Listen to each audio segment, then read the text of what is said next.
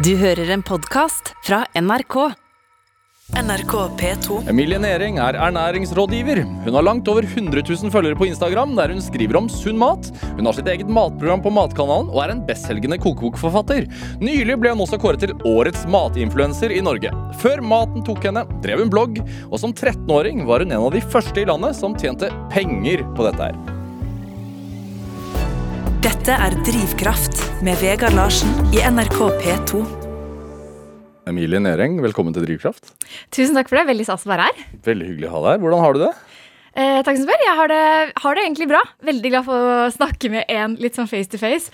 Eh, men jeg må innrømme at jeg er litt eh, bekymra om dagen. Eh, med mye sånn når det er uro i verden, og det er uro i Norge rundt de nye smittetallene og sånn. Så blir jeg sånn mye bekymra og går rundt og tenker på det. Eh, så, men eh, nei, veldig glad for å komme meg ut. Er du en bekymra person? Jeg har blitt mer og mer bekymra, og det syns jeg er liksom kjedelig. Jeg vil ikke bli en sånn bekymra gammel dame, liksom. Men, På, på eh, 26 år, si. ja, nei, jeg allerede tenker på det, da. Nei, ikke sant? Ja, jeg, jeg, har, eh, jeg har nok en del bekymringer, og det er noe jeg jobber med. Jeg syns det er veldig kjedelig å være sånn. Vil egentlig være litt mer happy go lucky. Hmm. Så omikron eh, Ja, det er mulig nedstengelse eller ikke, men altså, vil det påvirke din arbeidshverdag?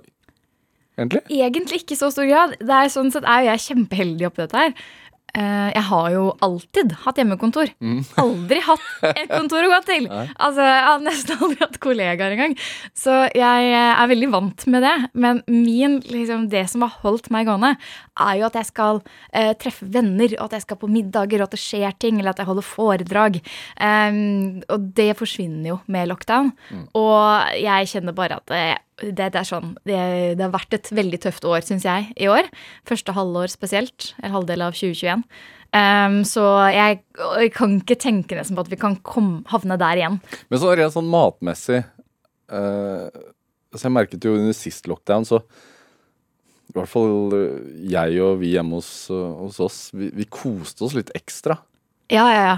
Det, det gjør man jo. Altså, sånn, er jo. I krisetider så har man ikke lyst til å liksom, kutte opp noen gulrøtter og knaske på det. Liksom. Man har lyst til bare å gå og handle inn masse, masse digg og sette seg ned og lage mat. Og, eh, jeg merket jo en kjempeøkning i interesse i matlaging. Eh, sånn, jeg har mye dialog med de som følger meg. Og de sendte meg liksom Folk kjøpte kokeboka mi, og de sto og kokkelerte og koste seg, fordi det liksom endelig tid til å lage mat. Og det syns jeg er kjempefint, da. Med mm, at det er litt mer hjemmekontor, og at uh, man må nødt til å tenke kreativt matveien da, når uh, restauranter er stengt. Men jeg håper jo likevel ikke vi skal dit. Hvor viktig er det med tid? Tid og overskudd? Nå, Det, altså, det er jo kjempeviktig. for, altså, for å lage riktig mat. Eh, Jeg er helt sikker på at tid er avgjørende for om folk velger å lage mat eller ikke. Og så handler det også om en prioritering, da, og faktisk eh, like å sette av litt tid til det. Jeg, eh, For meg er det helt naturlig å bruke en time hver dag på å lage middag. Jeg syns jo det er kjempekjedelig når en middag tar et kvarter å lage. Da er jeg sånn Hallo, hva skal jeg bruke resten av tiden på nå? Men du, du, har et lite, du har en liten husholdning, da. Dere er to stykk, så det er liksom Det er noe med enklere det. da. Ja. Jeg er uh, veldig takknemlig for den situasjon, livssituasjonen jeg er i. For jeg tenker sånn, Det virker så stress når det er sånn du skal rekke eh, Bare hører folk snakke om at de skal rekke fotballtrening og kjøre hit og dit og etter skolen og på det. Ikke sant? Jeg uh, er veldig sånn Kan kose meg med matlaging. Og det um, Og jeg tror nok at vi trenger flere sånne kjappe, enkle løsninger i butikken for at det skal være mm, som gjelder sunn mat. For det er veldig mange kjappe, enkle alternativer for, uh, i den litt usunne avdelingen. Med eh, Grandiosa av det som er eh, veldig populært hjemme hos folk. Så ja, jeg håper vi kan lage flere eh, liksom, alternativer til det. Ja. Hvordan er egentlig en hverdag for deg? Hva er, hva er rutinene? Jeg har veldig lite rutiner, egentlig. Eh, Jeg går alltid tur med hunden min om morgenen. Hva slags hund? Jeg har en veldig, veldig veldig søt hund. Han er blanding av eh, kavalier og puddel og malteser. Ja, tre igjen. Og er en snart to år. Nydelig fire kilos uh, hvit tass. Supersøt. uh, og er egentlig hele livet mitt. Jeg er jo blitt hundemamma da, i 2020. Så, ja, så det, hjelper jo under en nedstengning. Ja, virkelig. Altså, da hadde jeg noe å holde på med. Det å ha valp, det er, eh, det er arbeid. Altså. Ja, så jeg starter alltid dagen med å gå tur med han. Um, og så har jeg liksom fleksin Jeg liker å jobbe mellom sånn ni og fem-seks. Eh, Hva, så- hva er jobbe? Da er det å svare på mail, og det er å ha møter og eh, lage mat ofte. Ikke sant? Det er jo en del av min arbeidshverdag, men jeg gjør det da på et tidspunkt hvor jeg egentlig ikke trenger middag. Ikke sant? Men jeg trenger lyset, som er midt på dagen. Eh, og redigere videoer, skriver tekster, eh, planlegger. Ja. Det er, går mye det. Hvor, hvor ofte er Instagram liksom din hovedeksponeringsplattform nå? Ja, faktisk er eh, Instagram det er jo min hovedjobb. Ja, Inntektskilde. Mm. Ja. Hvor ofte må du legge ut? Føler du Altså, er det, er det et krav for, å, for at jobben skal gå rundt, holdt jeg på å si? Altså, det, man må faktisk ingenting. Det er jo liksom sånn, Jeg må ikke poste der i det hele tatt. Nei da, jeg må Eh, heller jeg ikke gå på jo- jobben hver dag. Altså, Ja, ikke sant? Men ja. jeg, trenger, jeg tenker jo at jeg prøver å poste hvert fall sånn eh, fire ganger i uka.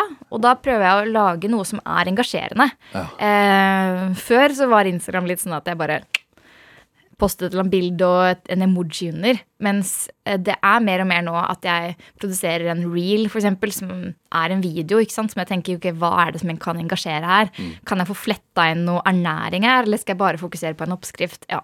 At jeg eh, tenker mye rundt det, og det tar mye tid. Sånn, eh, jeg tror for folk flest så kan man tenke sånn Hæ, kan man leve av Instagram og bruke masse tid på det? Men eh, ja, det er fullt mulig. Ja, for det er jo din egen altså, Det er jo din matkanal. Mm, og det er jo på en måte en, eh, Nå er det jo flere og flere som slutter å blogge og kun går over til å drive med Instagram. Mm. Um, og jeg bruker jo like mye tid på Instagram som jeg gjorde på bloggen. Men er det eh, sånn som nå så du hadde lagt ut noe eh, En video av sånn julekakebaking. Mm. Er det da plan... Altså, og sammen med moren din også? Hvor, Ja. hvordan, hvordan blir noe sånt til?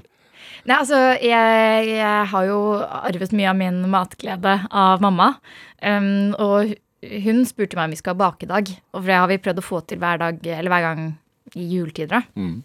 Så da var det sånn, ok, jeg har en såpass fleksibel jobb at jeg kan gjøre det midt på dagen, hvis jeg bare holder vekk alle andre avtaler da. Så jeg holdt av dagen, og så tenkte jeg, men det her kan også bli bra innhold, så jeg filmer underveis. Um, Hvor lang tid tar en sånn bakesession da? Vi holdt på fra elleve 11 til eh, halv fem. Ja. Så det var greit nok. Men vi har av og til holdt på seriøst i, altså, i sånn syv-åtte timer. Det er eh, helt utrolig hvor lenge vi kan holde på. Hva er det, Siden det er da hovedinntektskilden, eller hvordan det er hovedjobben, hvordan, hvordan genererer man penger? Man genererer jo hovedsakelig penger med eh, Spons? Med spons, eh, eller så kalles det jo egentlig reklame eller annonse. ikke sant? Ja, ja. At noen f.eks. Eh, har et produkt som de har lyst til at jeg skal lage en oppskrift av. Um, Som kan være Eh, skal jeg, altså en type produkt, eksempel. Mm. Eller La oss si det er noe som heter havreris, som er veldig kjekt, fordi det er kort, kortreist ikke sant, fra Norden. Mm. Um, smaker veldig godt med næringsstoffer. Jeg vil jeg veldig gjerne liksom bruke det i matlagingen fremfor ris. Og da er det veldig mange som ikke vet hvordan man bruker havreris. Så viser jeg frem det. Ja. Og så er jo det en sånn jeg har alltid tipset om produkter, uavhengig om det har vært betalt eller ikke. Men det er jo veldig fint å få betalt for det også. Um, at det gjør at jeg kan leve av det. da. Mm. Og så er jo det her en veldig fin mulighet for meg å nå ut til mange med et ernæringsbudskap. For jeg har en eh, bachelorgrad i ernæring, og siste halvår der så skulle vi finne oss en praksisplass. Det er eh, veldig vanskelig eh, innenfor ernæring. Og det er vanskelig om du har en eh, mastergrad også. Det er ikke mange jobber innen ernæring. Hva er alternativene? Hva slags type jobber du kan få. Ja. Altså er på en måte Du kan jobbe på Frisklivssentral. Der har, trenger din litt ernæringskompetanse. Du kan, det er, om du er heldig, så finner det er noen kommuner som har eh, er ansatt en ernæringsfysiolog eh, for å liksom lage gode tiltak for eh, barnehager og skoler og sånn.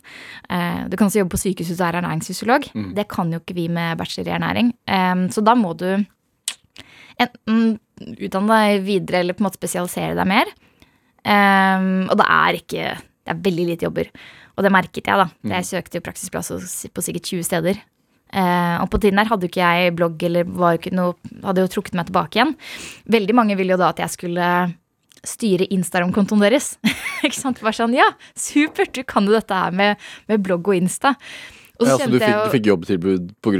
at du ja, hadde vært blogger? Ja, eller at jeg kunne få praksisplass med det. da Ja. Og jeg kjente at sånn Ja, men jeg har lyst til å jobbe med ernæring, på en måte. Eh, få lov til å være litt sånn Ja. Få, få en ordentlig praksis innen det, da. Og så fikk jeg jo praksisplass eh, heldigvis innenfor eh, Sunn idrett, som jobber for å forebygge spiseforstyrrelser i idretten.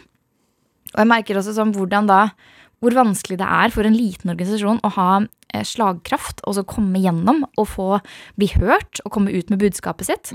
Hvor jeg da kjente sånn Fy søren, så heldig jeg egentlig alltid har vært, som har hatt en stemme, hatt mulighet til å påvirke.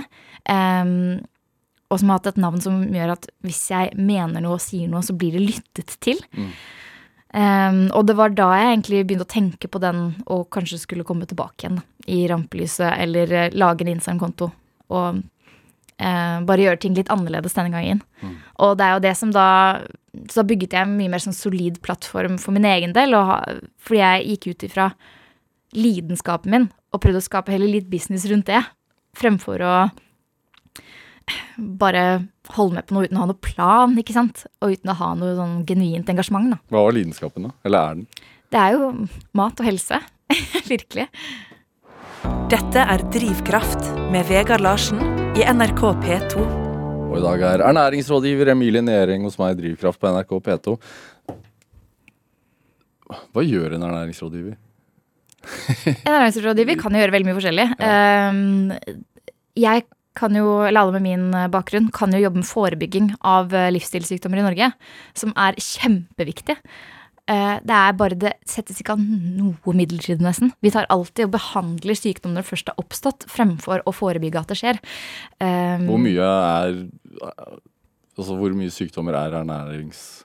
eh, Er resultat av feil, feil ernæring, holdt jeg på å si? Åh, det er jo vanskelig å sette noen konkrete tall på det, men man vet jo at man kan eh, forebygge bare f.eks. med kreft. Ca. 30% av alle krefttilfeller kan, kunne, kan mest sannsynlig forebygges med god ernæring. Grunn altså tarmkreft og sånne ting? Altså. Ja, ikke sant? Det er jo spesielle eh, sykdommer, spesielt da, eh, tarmkreft som nevnte der. eh, spiserør, magesekk. eh, og eh, så har du jo diabetes type 2, som øker ganske kraftig i hele verden. Du har hjerte-karsykdommer. Eh, det ser også ut til at eh, både fysisk aktivitet og, ernæring spiller inn på utviklingen av Alzheimers, demens. Så det er jo egentlig ekstremt viktig at vi setter inn et godt sånn fundament i Norge, at det skal være enkelt å spise sunt eh, til hverdags. Og så må heller liksom kjøpe hva man vil og kose seg med det i helgen. Men vi har en veldig herre kosekultur, og det eneste som på en måte er eh, definert som kos, er chips og sjokolade. Mens eh, Og det er ofte det det er tilbud på. Det er det som drar folk til butikkene. Og det er jo det, så jeg kjenner jo på det at eh, det jeg prøver å få til, er å vise eksempel, hvordan du kan lage skikkelig digg kosesnacks som faktisk bidrar med masse bra næringsstoffer. Fordi det som man ser at skjer, er jo faktisk at folk oppnår eh, å ha dårlig ernæring. Selv om de spiser masse mat.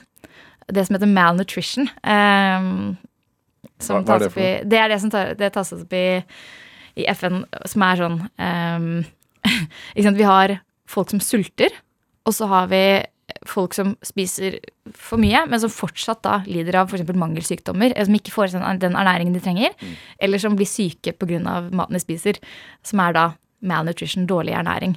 Og det er jo sånn paradoks hvordan vi kan ha både sult og Altså sånne tilstander kan fungere samtidig i et samfunn.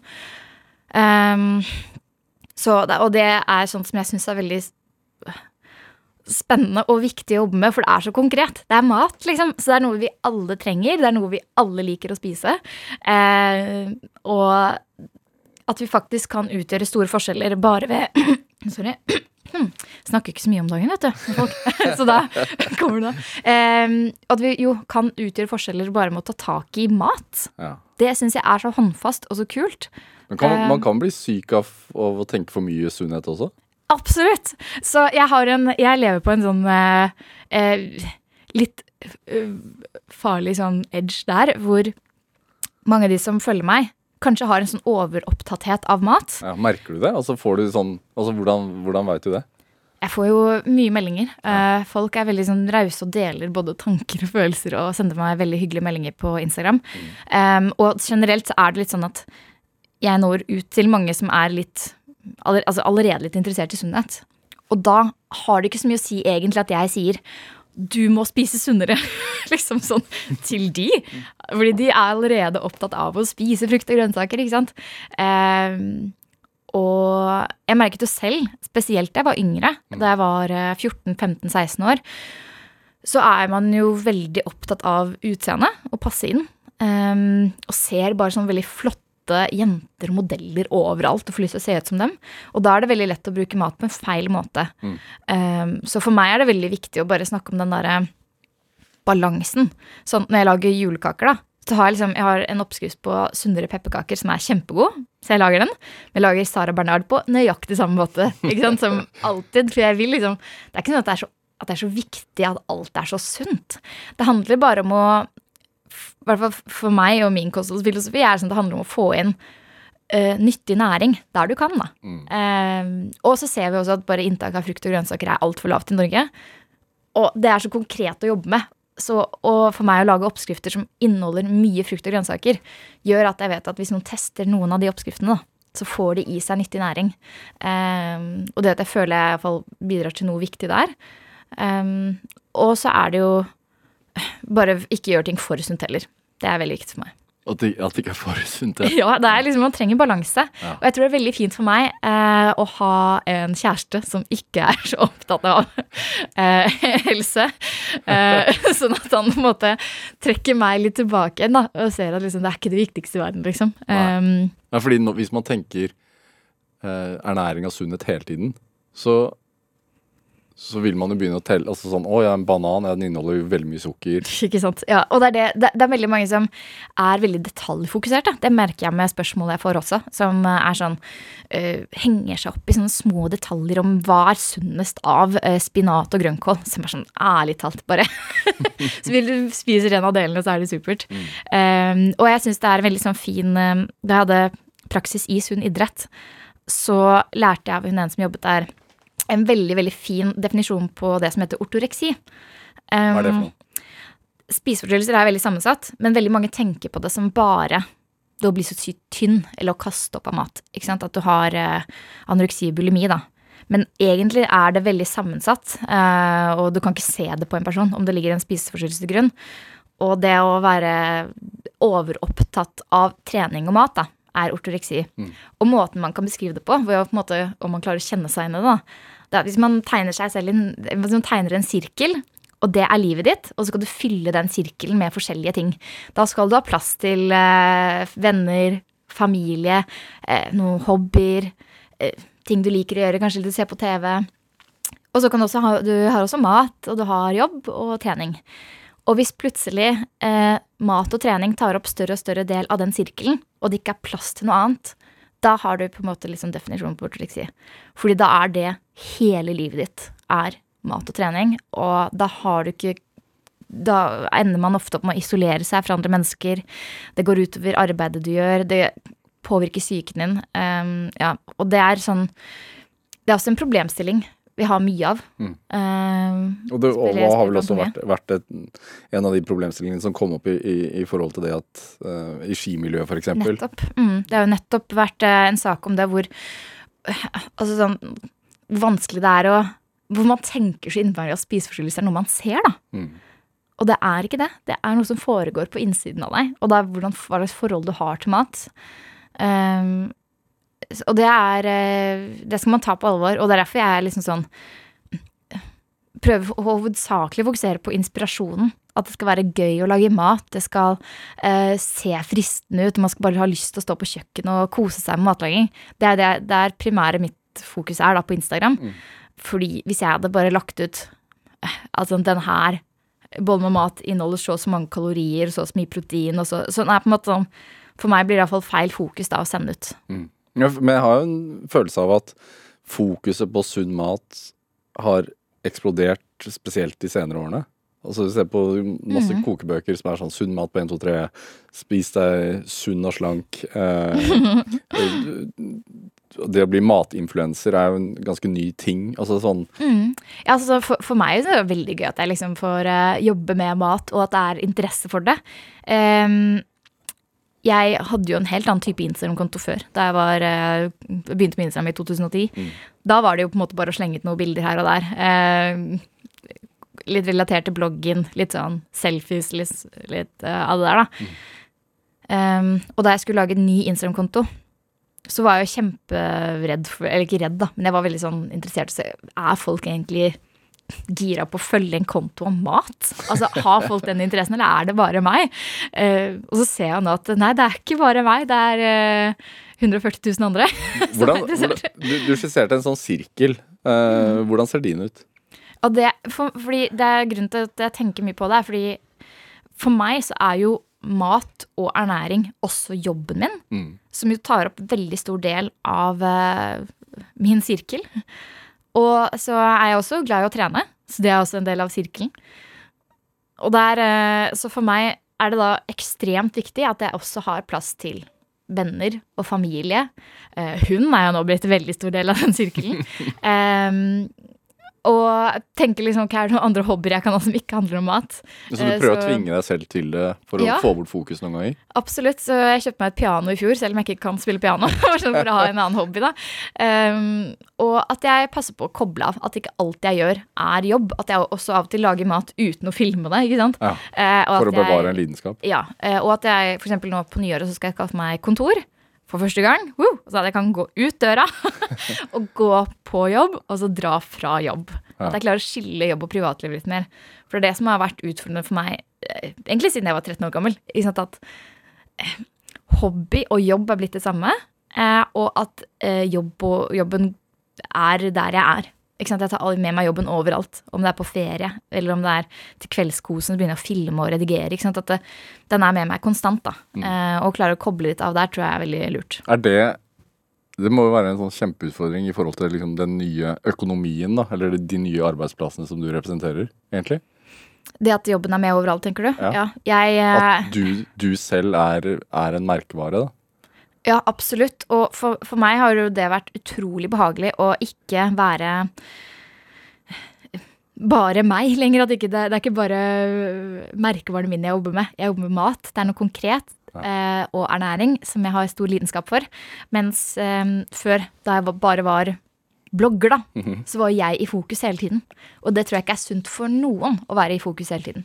Og jeg syns det er litt skummelt å se hvordan eh, samfunnet utvikler seg på at veldig mange unge tenker at det å bli influensere er noe av det viktigste i verden, og at det å dyrke liksom sin egen identitet på nett er ekstremt viktig. Eh, selv om egentlig har ikke det noe å si. Det er sånn den personen du er i hverdagen eh, med vennene dine, er den som er viktig. Eh, men jeg tror fokuset nå, spesielt når vi på en måte ikke får lov til å treffe like mange mennesker og sånn, så blir jo de identiteten man skaper på nett, enda enda viktigere. Og jeg merker jo hvilket fokus som er på utseendet på Instagram og på, på TikTok. Og hvordan man på en måte ser opp til folk som har blitt kjent der, da. Hvordan er det for deg? Ja, altså, jeg er jo Det henger jo ved meg fortsatt, det at jeg tenker at jeg bare er en sånn Instagram-personlighet eller en blogger, og at jeg kanskje ikke har så mye annen verdi i, i livet mitt hvis ikke jeg hadde vært det. Det er en sånn eh, ting som har tynget meg litt, da. Ja. Uh, som Jeg begynte jo å blogge da jeg var 13 år gammel, og ble kjent for det. Og følte liksom at den var hele livet mitt, og jeg, blogg, jeg brukte jo så mye tid på den. Uh, og var superengasjert i den, og følte at jeg lagde jo på en måte min egen identitet der, men den var også meg. Um, så da jeg tok det valget i 2017 om at nå skal jeg faktisk slette bloggen, jeg skal slette meg selv fra internett, jeg skal ikke være en person på internett lenger, så hadde jeg jo en sånn skik skikkelig krise, egentlig. Eh, for jeg kjente sånn Ok, men det vil jo da Da sletter jeg en så stor del av meg. Jeg, hva slags verdi har jeg uten den, på en måte? Og det var, eh, det var veldig vanskelig. Et veldig vanskelig valg å ta. Men også et veldig riktig et. Fordi jeg fikk eh, Merket jo at jeg helt fint hadde masse verdi uten den. eh, og at eh, livet har veldig mye å by på uten, eh, uten sosiale medier, uten Instagram og mobil. Um, og fant litt sånn Klarte å finne ut av hva jeg liker å gjøre, da, uten at jeg trenger å poste noe om det hele tiden. Ikke? For det er veldig fort gjort, i i den situasjonen jeg var i, da. Det er veldig vanskelig med å vite om noen kan kjenne seg igjen i det hele tatt. Men når alt jeg skulle legge ut på bloggen, måtte liksom være noe nytt, noe som folk hadde lyst til å se, så begynte jeg, visste jeg ikke lenger om jeg gjorde ting fordi jeg var interessert i det, eller om fordi, jeg, fordi folk var interessert i det. Ikke sant? Hvorfor jeg, tar jeg de valgene jeg tar? Gjør jeg det fordi det ser bra ut på bloggen, eller gjør jeg det fordi jeg genuint vil? Jeg, det syns jeg var veldig vanskelig å avgjøre. Um, Og nå er det mer et arbeidsverktøy enn et sted hvor du er personlig, egentlig. Nettopp. Uh, nå bruker jeg det jo veldig Jeg tenker mer Litt mer business rundt det, da. Fordi jeg ønsker oppriktig at vi skal øke inntaket av frukt og grønnsaker i Norge. ikke sant? Jeg tenker, slags, hva slags oppskrift kan jeg lage med det? Eh, vi vet vi må redusere kjøttforbruket. ikke sant? Da må jeg lære meg å lage mer vegetarmat. Er det noen gode retter? Eh, lager det. Og eh, hvis jeg får kritikk på at noen ikke liker det jeg gjør, så er det på en måte da er det det at de ikke liker det jeg gjør, rett og slett. Og det er veldig enkelt å forholde seg til, fremfor at de ikke liker personen jeg er. Som var det kritikken gikk på før. Um, så det er et veldig fint skille å ha. Eh, Emilie Næring, vi skal spille litt musikk. Ja. Noe som sier noe om deg. Eh, og- jeg må jo si litt sånn jeg, Kanskje Vet ikke, men når jeg er på Instagrammen din og ser liksom uh, matvideoene dine og sånn, så tenker jeg ikke Metallica. Nei, det, det kan jeg forstå. Nei. Eh, nei, det bryter litt med hva folk tror om meg, tror jeg. Nei, eh, i dag så skulle jeg ønske meg noen låter som fortalte litt om meg, og da ønsket jeg meg eh, eh, Enter av Metallica. Rett og slett fordi jeg eh, har ekstremt gode minner med Metallica. Eh, jeg ser skikkelig opp til broren min, storebroren min, og vi hadde rom vegg i vegg. Og han begynte å lære seg å spille gitar da han var sånn liksom 13-14 år. Hvor mye eldre er han? Eh, fire år eldre enn meg. Og plutselig så var det da elgitar ikke sant? Eh, gjennom veggen. Og han eh, begynte å lære seg bare Metallica-låter. Og jeg elsket å høre på han spille gitar. Og det jeg lærte, Så jeg kan egentlig alle metar, nei, gitarriffene i alle de sangene. Du kan spille de selv? Nei da, men kan, vet hvordan de går. Ja, Eh, og så kjenner jeg liksom Da jeg fikk folk på besøk også, var det sånn her, ok, så utrolig irriterende. Blir du ikke gal av den lyden? Og jeg bare Hvilken lyd? Nei. Og for det var så fint som bakgrunnsstøy for meg. Og ja, Så nå når jeg hører Metallica, så har jeg bare så utrolig gode minner fra barndommen.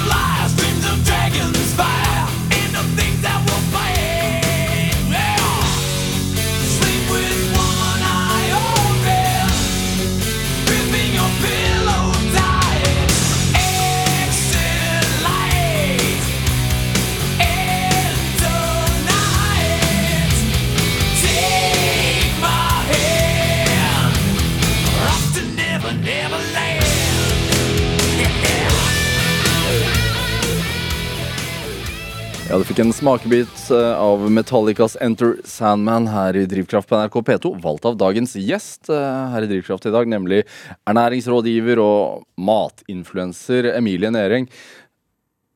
Altså, du, du snakket om eh, da du startet som blogger, altså din forhenværende tid som blogger. Eh, det var sånn ca. 13 år siden? Eller?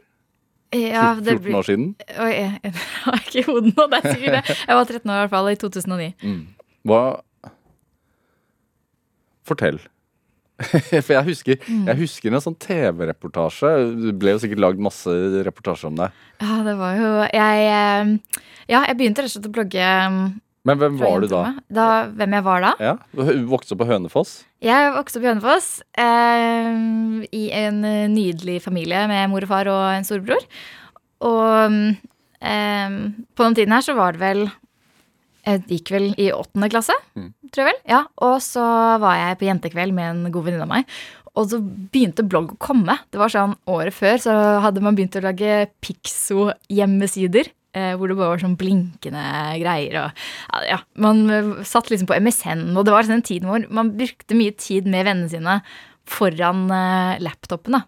Eller foran den stasjonære PC-en som jeg hadde. Leste du blogger selv? Ja, eh, og det var veldig populært med blogg. Det begynte liksom å øke, følte jeg, og det var allerede sånn Hvem, Linnea. hva, hva leste du? Linnea Myhre sin blogg. Aha. Hun var allerede godt etablert da. En som het Anais. Eh, Det var, husker jeg, det var de to favorittene. Eh, Og så eh, bare bestemte vi oss liksom på den jentekvelden bare la oss lage en blogg. Og jeg hadde allerede et kallenavn i Hønefoss som var Voe. Som var rett og slett eh, For jeg hadde en eh, bestevenninne som het Emilie også. og så var jeg på leirskole, og da hadde jeg på meg en T-skjorte der det sto I love Voe. Som er forkortelsen til butikken som het Voice of Europe.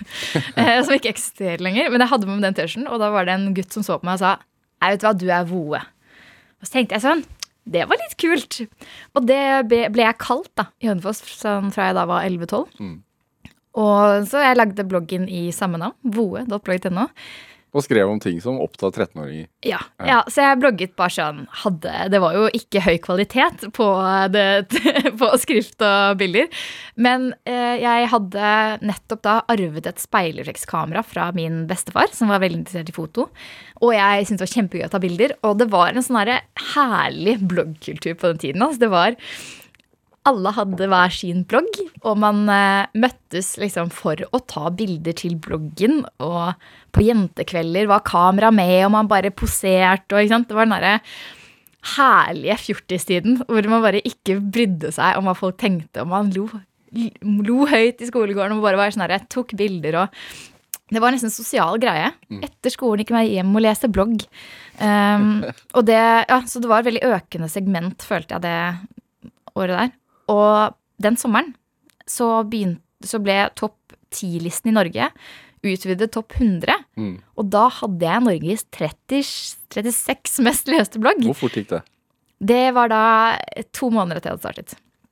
Og fra det tidspunktet så gikk det veldig fort. Men hva, hvor mange snakker vi da? Da hadde jeg vel eh, 1000 daglige lesere. For jeg hadde også en nettbyprofil som var eh, ganske populær. Det var liksom som Facebook, eh, men eh, mer åpen. Altså det var som åpen Facebook, på en måte. Som jeg husker var veldig populært i sånn 2008, 2009 og 10.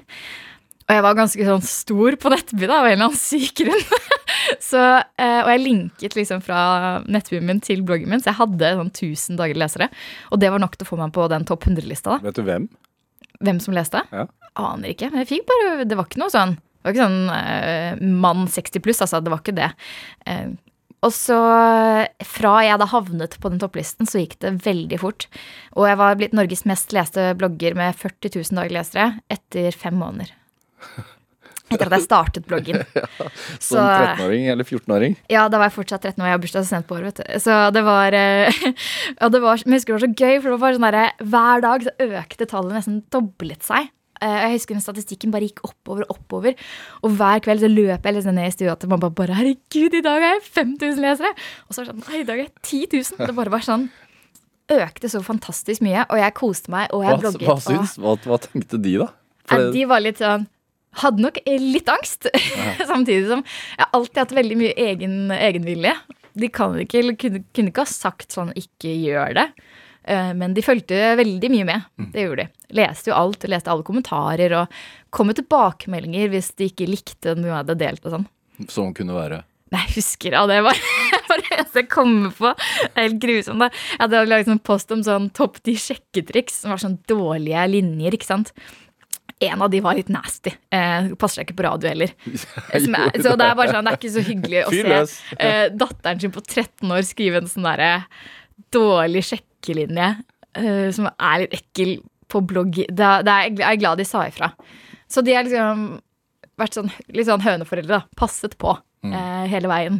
Um, og så ble jeg jo Norges mest leste blogger, og det fortsatte egentlig bare å øke og øke etter det òg. Så det, på en måte, interessen tok liksom ikke slutt, og det var det som var så overraskende for meg. Jeg forsto egentlig ikke helt hva er det folk er så opptatt av. Altså, hva er det som ja, jeg, jeg på hva, måte hva tror du, da? Jeg tror nok det var det at jeg um, Jeg var både heldig med timingen på at blogg ble stort i Norge, Mm. uh, og at jeg Jeg brukte jo veldig mange ulike midler, da. Altså, jeg prøvde å være kreativ med Du Tenkte kreativitet Ja, og jeg- strategi jeg- for, ja. å, for, å, for å underholde leseren, rett og slett? Jeg gjorde rett og slett det. Ja. Eh, Jeg lagde videoer, masse forskjellige typer videoer. Prøvde å ha faste spalter på bloggen. had- Tok ulike fotoshoots i ulike settinger. Jeg hadde liksom sånn Jeg brukte masse tid på det og syntes det var veldig gøy og tenkte bare sånn nytt innhold hele tiden. Eh, og ga jo på en måte et sånn innblikk i en vanlig 13-åring sitt liv. Uh, og det var det mange ville ha. Det var jo på en måte reality. Ikke sant? Du fikk uh, oppdateringer sånn tre-fire ganger fra meg daglig. Hvor ærlig var du? Jeg var veldig ærlig på den måten at jeg eh, ofte ikke redigerte bildene mine. Og hadde bare sånn der, jeg skrev oppriktig det jeg bare tenkte på eh, og syntes var interessant. Som kunne være, for eksempel. Nei, hva kan det være? Det var bare sånn derre Vi så en film eh, ikke sant? Vi på Jentekveld, tok bilder da, så skrev jeg bare om, hvem jeg, om at jeg hatet Adam Sandler. Altså sånn, hadde sånne der, bare meninger jeg hadde. Da, som bare, Ja. Og problemet etter hvert var jo bare at eh, eh, jeg fikk eh, begynte å få veldig, veldig, veldig mye hets. Og nett, altså rett og slett ordentlig nettmobbing, da.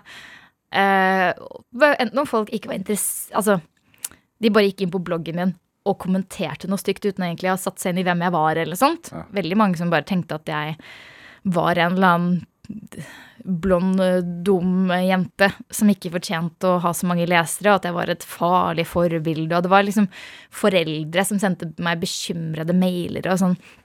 Ting som jeg bare tenkte sånn, dere har faktisk ikke satt dere inn i hva jeg poster om her. Det her er ikke farlig i det hele tatt. Jeg er bare positiv og glad, prøver å skape liksom uh, hyggelig innhold.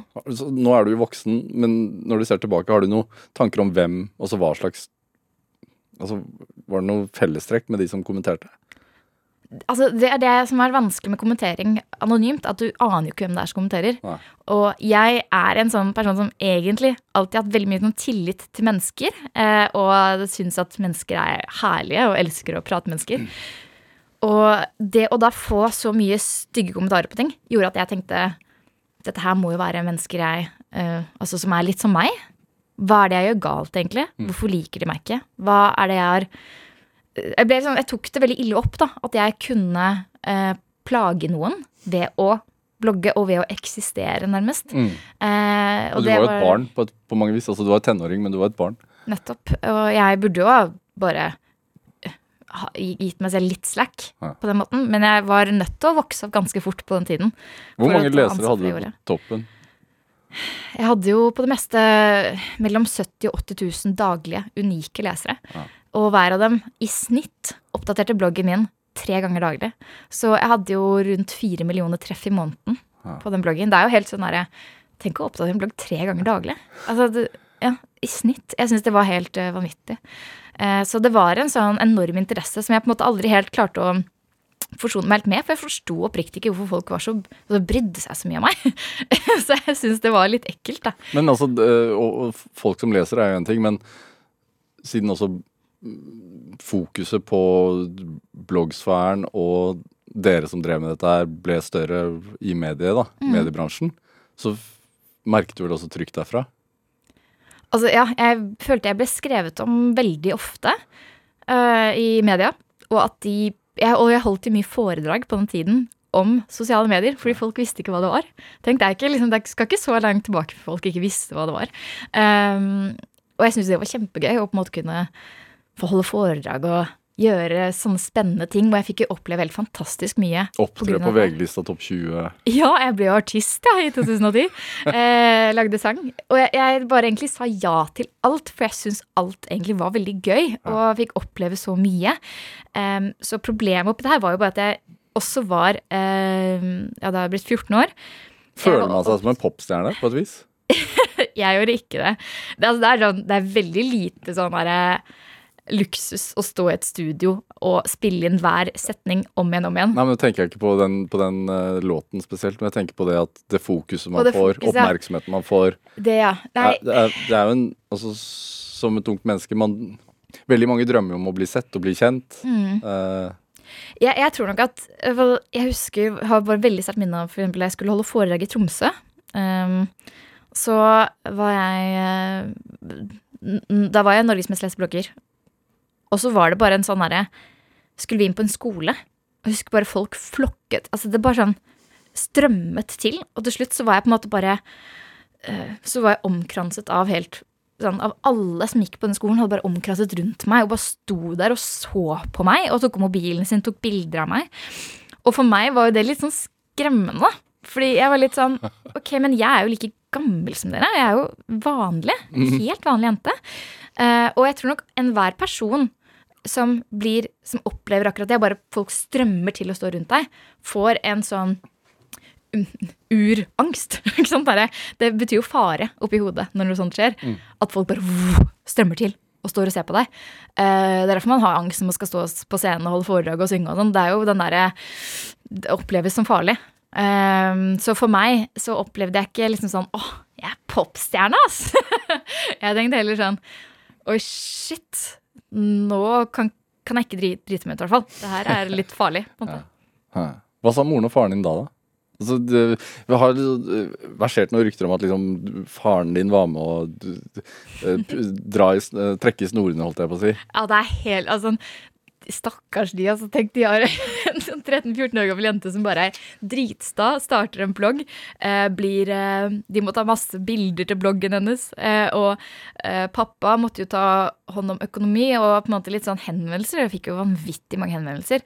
Og foredrag skal man jo få betalt for. Og jeg ante ikke hva man skulle ta for et foredrag, og pappa visste egentlig ikke det. Men måtte på en måte ta en sånn type rolle for meg, da. Og sikre at eh, Jeg måtte jo også skrive regnskap.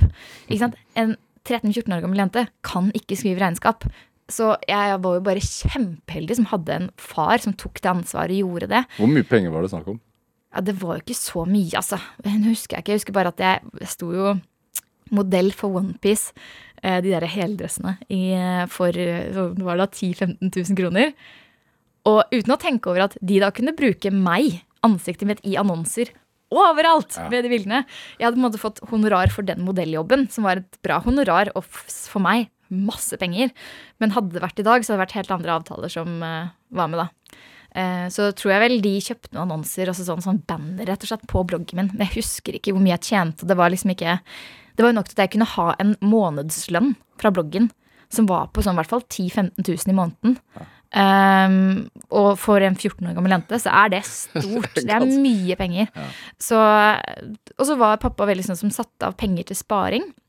Som gjorde at jeg sparte. Og egentlig uten at jeg visste hvor mye jeg tjente. Jeg visste ikke helt, liksom, jeg hadde ikke den oversikten, for det var ikke viktig for meg heller. Jeg var aldri sånn som spurte så mye om ja, hvor mye penger er det i kontoen nå. Jeg har liksom aldri spurt om det. Men det gjorde at uh, den sparekontoen han lagde til meg, um, gjorde at jeg kunne kjøpe meg leilighet da jeg var 18-19 år. Ja. Og hadde egenkapital. Så det var bare, jeg er så glad for at jeg har hatt så ansvarsfulle og fine foreldre rundt meg. Men, tenk det, da. Du blogga deg til egen leilighet. Ja, det er det. Altså, og det er det jeg syns er helt fantastisk, da, egentlig, at man kan eh, som ung person i dag starte en karriere og bygge sin egen bedrift uten å trenge noen midler. Og det er det som er veldig kult at med, med sosiale medier og med internett, at du kan få bruke kreativiteten din, skape noe eget. Um, Og jeg tror bare det som er nøkkelen, er egentlig å ha en lidenskap i bunnen. da. Noe du elsker å drive med. Og bare tenke kreativt. Hva kan jeg gjøre rundt det her for å få det her til å bli en business? Noe jeg kan leve av. Men det er jo Isfjellet er stort under overflaten. Det er veldig få som kan leve av det. Veldig sant. Eh, Jeg tror man bare uansett aldri har noe særlig å tape, eh, tape på å prøve. Men, Men jeg tenker sånn Hvor Du må jo ha lært eh, markedskrefter og mediebransjen å kjenne ganske kjapt, da. Sånn Jeg vil jo si det. ja. Jeg hadde jo sånn Altså, jeg følte at jeg hadde Jeg måtte tenke liksom Jeg var jo nødt til å tenke strategi jeg fra ung alder, og image, og hvordan jeg fremsto i media og skulle svare for meg, og hvordan på en måte Visste jo at jeg hadde en enorm påvirkningskraft, så jeg måtte jo være den eh, bevisst og vite hvordan jeg skulle bruke den på en bra måte. Um, og det er jo sånn som jeg egentlig tenker at ingen 13-14-15 år gamle barn egentlig skal være opptatt av og måtte tenke på. Og heller ikke være så opptatt av hvordan man fremstår. Jeg tror uh, den fasen egentlig av livet burde man bare være på å prøve og feile og ha det gøy. Mm. kan man bli paranoid av det? Og absolutt. Altså, jeg har jo Jeg slet jo veldig at jeg var veldig paranoid i flere år etter at jeg Etter den på en måte den heftigste perioden, da. Så la jeg ned bloggen først en gang i 2011. Fordi Fordi det var for mye. Jeg eh, var jo fremdeles Jeg gikk jo på skole. Opptatt, var opptatt av å få gode karakterer der. Eh, hadde bloggen over meg hele tiden. Sa ja til alt, eh, for jeg syntes det var gøy. Eh, og ble rett og slett utbrent. jeg hadde ikke noe mer energi, noe mer å gi. Um, og jeg syns den nettmobbingen var helt grusom. Altså, det var alle kanter, og det var, ikke det var ikke bare på nettet. det var jo Altså, Folk ventet utenfor skolebussen med en bøtte med vann for å helle den over meg idet jeg gikk ut. Det var mye sånn direkte mobbing som ikke var noe kul. Eh, og da kjente jeg at sånn Ok, nå er det tøft i kommentarfeltet på bloggen. Det er tøft på skolen. Eh, det er tøft eh, i Hønefoss. Altså, det var bare sånn Det sluttet å være gøy da, på det tidspunktet. Så da var det en sånn Da måtte jeg legge den ned. Um, og det var egentlig fint for meg å få en pause fra det da. Uh, samtidig som jeg jo begynte å savne det igjen da det hadde gått sånn seks-syv måneder og hadde kommet meg litt opp igjen. Da. Hva er det man savner, da?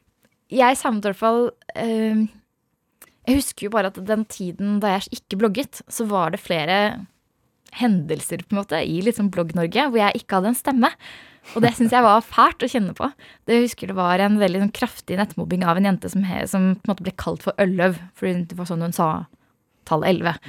Hadde laget en videoblogg om det, da. Og jeg synes det var fælt å se hva som foregikk der med henne.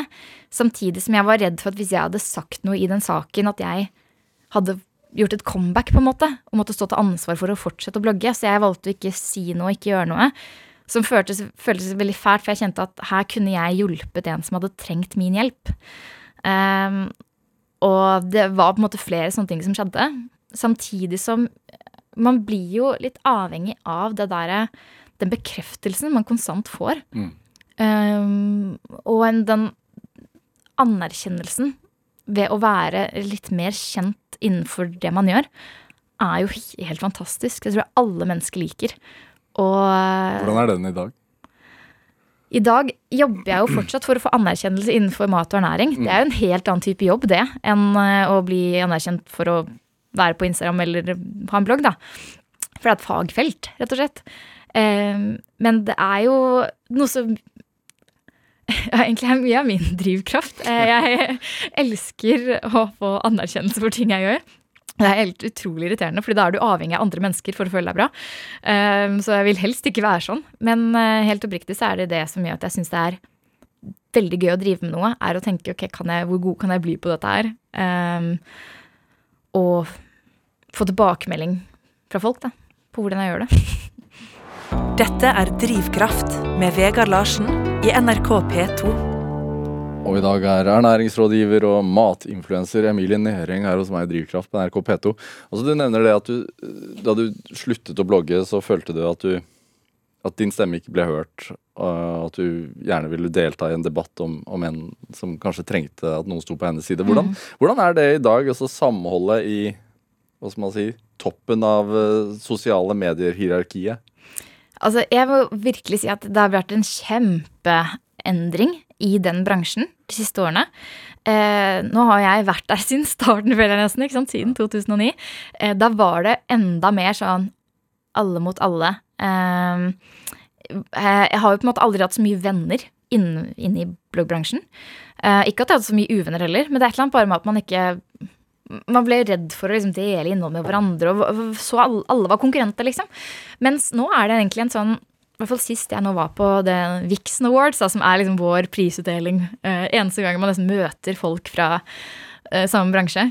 Så merker jeg liksom hvor hyggelige folk er og kommer bort og prater. og liksom, Man er venner, da. Og Er- støtter hverandre. Er det også fordi at dere har gått fra å hva skal man si, sitte på jenterommet til å bli eh, gründere, eh, relativt unge damer som tjener gode penger i den samme bransjen?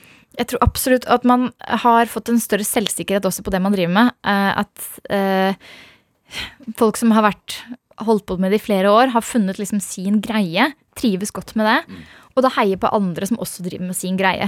Eh, og jeg, jeg merker jo spesielt innenfor mat, da, så har jeg fått oppriktig, ordentlig gode venner. Og det føles så fint at jeg kan eh, diskutere jeg kan, Vi har av og til sånn møtes på kafé ikke sant? hvor vi prater om mat i sånn tre timer. Um, eller altså, jeg har blitt veldig god, god venn med hun som heter Karen, som driver Fattig studentkontoen. Og vi, vi har jo sånn på en måte rare problemer i jobben vår liksom, som ingen andre trenger å tenke på. Men som kan være om det kan være sånn eh, sant, Hvor hassle det er med videoredigering, da, eh, kan være en ting. Eller rare meldinger vi får på Instagram, eller eh, det konstante kjøret med å produsere innhold som er nytt. Og den skuffelsen der når det ikke funker. ikke sant, Du kan bruke masse masse time på noe, og så får du på en måte noen likes, noen kommentarer, men ikke Altså sånn der, den, den, eh, det, det føles litt fælt, da. Når det er det som på en måte er det som avgjør hvor godt arbeid du har gjort, er responsen du får. Um, og det er veldig fint å ha noen å kunne prate med de tingene om. For det er sånne type ting som man, man, man må jobbe med det for å kunne forst- sette seg inn og forstå det. da. Er det, altså du er ikke du, du sier jo det at du skriver om maten og mer enn deg selv, men du er jo åpen om enkelte ting. da, Du er jo åpen om eg, egen syke, eh, blant annet. Hvorfor velger du å være det? Eh, jeg er jo veldig opptatt av helse generelt, og hodet er jo en del av kroppen. Eh, og der eh, Jeg føler i hvert fall selv at eh, For meg hjelper det når jeg ser andre er åpne om utfordringer. Når andre deler hva som har hjulpet dem i en situasjon. Og jeg tenker at der har jeg en mulighet til å kunne dele sånt med andre.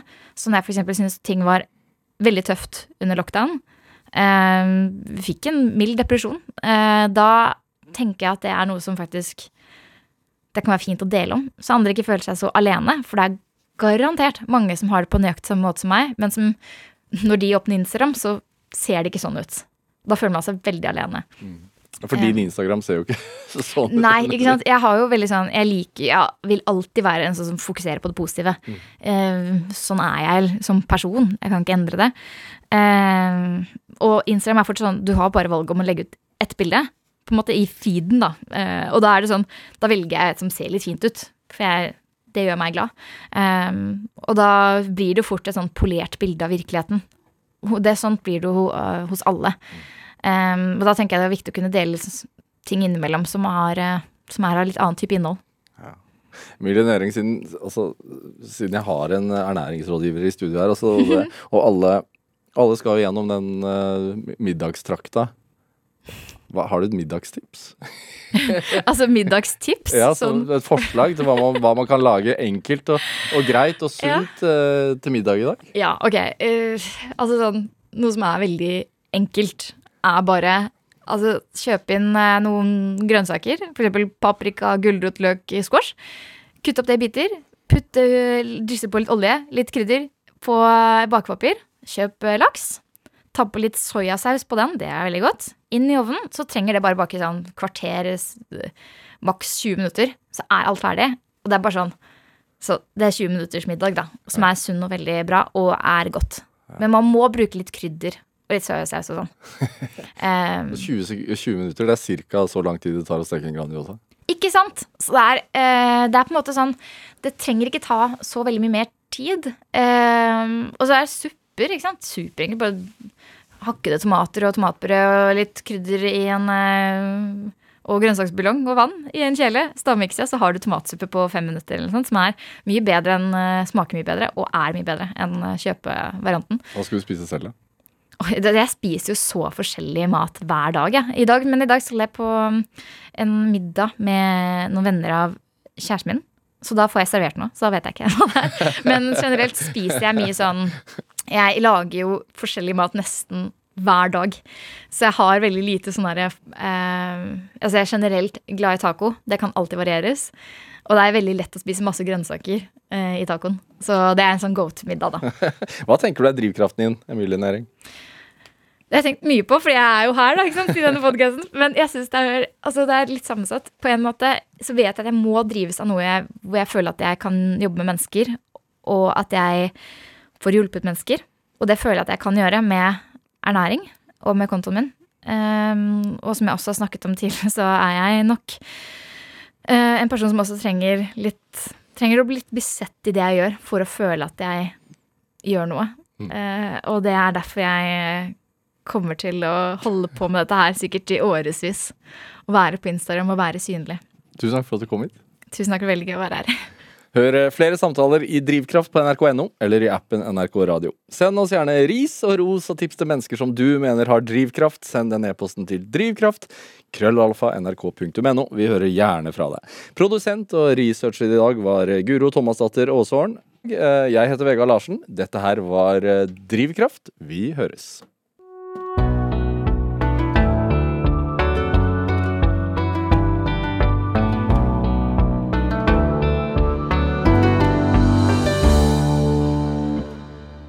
Du har hørt en podkast fra NRK. De nyeste episodene hører du først i appen NRK Radio.